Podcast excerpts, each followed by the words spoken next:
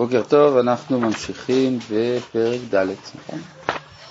בפרק ד' בפסקה א'. נשים כל ספר. אה, בעמוד ל"ה, בשתי שורות לפני הסוף, בהגות מילין, אי אפשר לנו לבטא את המחשבה רחבת השחקים הזאת. כלומר, הרעיון של התשובה הוא רחב.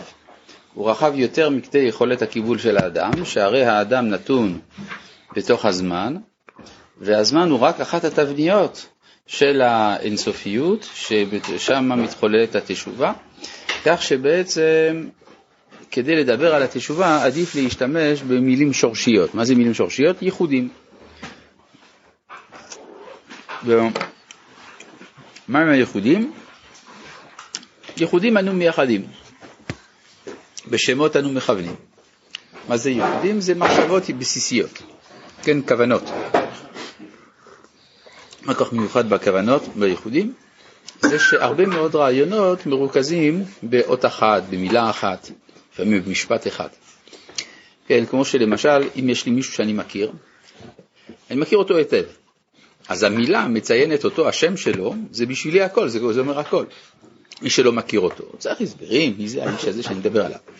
אז אה, אותו דבר זה גם בייחודים, המחשבות המקוריות, הבסיסיות, הן לא מצריכות בכלל הסברה רחבה, להפך, ההסברה הרחבה מרחיקה מן הידיעה השורשית. זאת אומרת, ייחודים אנו מייחדים, בשמות אנו מכוונים. זה שמות שמות של הקדוש ברוך הוא. נקודה, שמיים וארץ חדשים ולהם מצורים שם. אות, ועולמים מתגלים.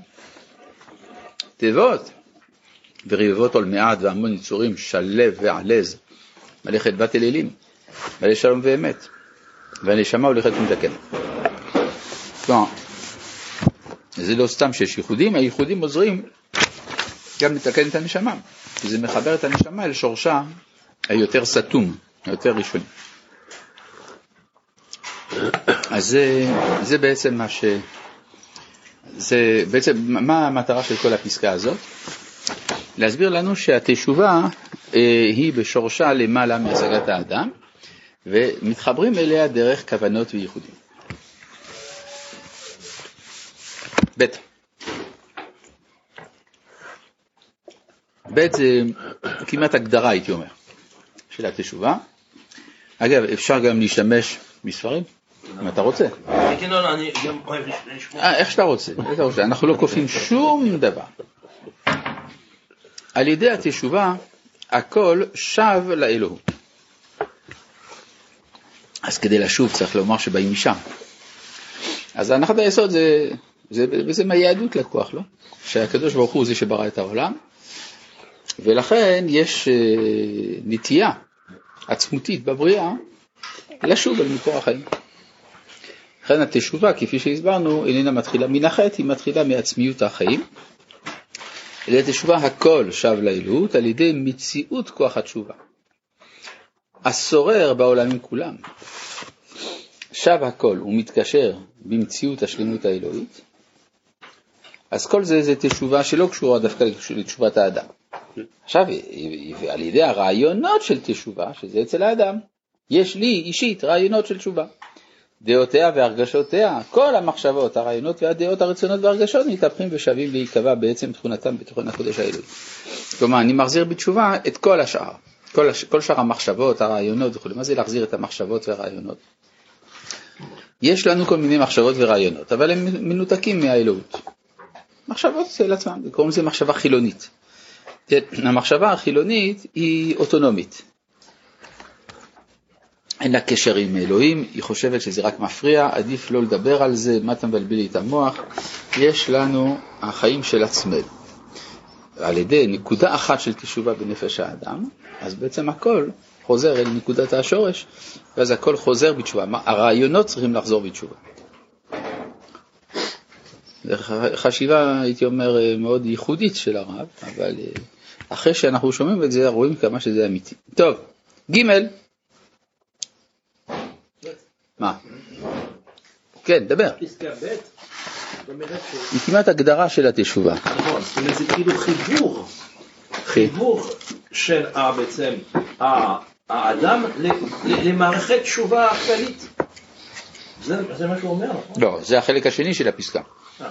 החלק הראשון של הפסקה מדבר על זה שיש תשובה בכלל. עכשיו הרב אומר, יש גם דברים בתוכי, במחשבה שלי, או במחשבת האדם בכלל, שצריכים לחזור בתשובה. למשל, למה הוא מתכוון? אני חושב שהוא מתכוון בין היתר לאתיקה. כן, למשל, אנשים מדברים על זה שצריכה להיות אתיקה. מה זה אתיקה? מוסר, זה מילה אחרת בשביל מוסר. השאלה אם המוסר הוא מחובר לאלוהים, או שהוא אוטונומי. אז צריך להחזיר בתשובה את המוסר. גם יכולה להיות גם טעות הפוכה. הטעות ההפוכה אומרת, בלי תורה אין מוסר. בלי אלוהים אין מוסר. זה לא לגמרי נכון. בלי תורה אין מוסר, זה בטוח לא נכון. בלי אלוהים אין מוסר, זה לא לגמרי נכון. זה, חלק, זה נכון חלקית לאורך ימים. לאורך ימים מוסר לא מחזיק ללא מקורו. אבל יש מוסר, לפחות לזמן מסוים, שעומד מצד עצמו. כן? היה גוי אחד בשם אריסטו, כתב על זה ספר שלם, אתיקה, אל ניקומקוס. טוב, מה? הרב לא היה, כשהרב הזה דיבר אחרי, אה כן, נו אז מה? הוא דיבר על נושא של אריסטו, ניתק, ניתק בין מה למה? בין אלוהה להשם. אה, טוב, זה מעניין. זה זה, כן, יפה מאוד. רגע, אה, אתה מדבר בכנס, כן, בסדר.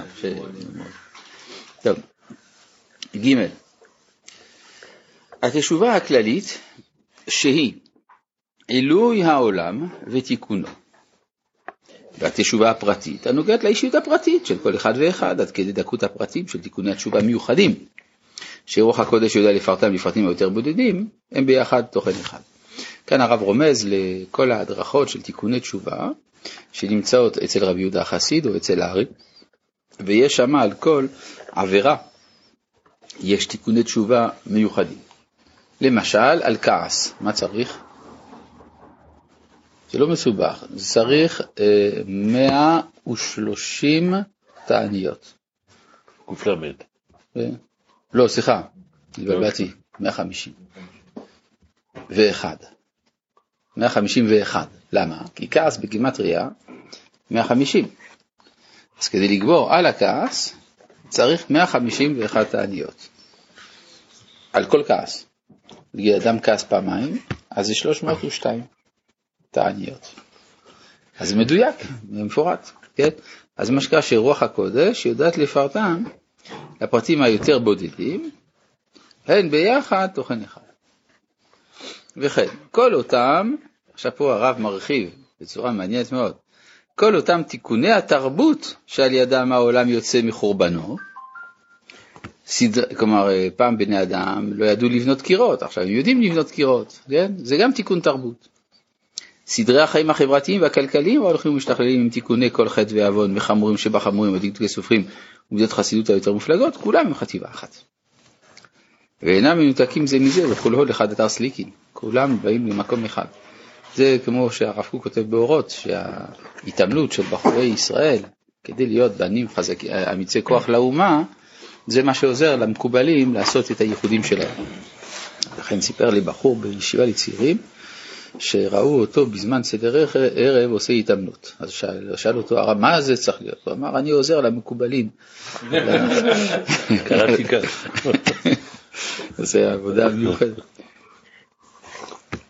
אבל זה, זה אומר שבסופו של דבר, באופן מוחלט, אין הבחנה אבסולוטית בין קודש לחול, בין חוכמה לתורה, בין, בין תיקון הנפ... הנשמה לבין התרבות הכללית וכדומה. בסופו של דבר, הכל חטיבה אחת, תלוי באיזה מדרגה מסתכלים, כן? כי הרי במציאות המצויה לפנינו יש הבדל בין קודש לחול, בין תרבות לבין תורה וכדומה, אבל במישור מאוד מאוד עליון, אז בעצם מדובר בחטיבה אחת. מאיפה הרב קוק לוקח את זה?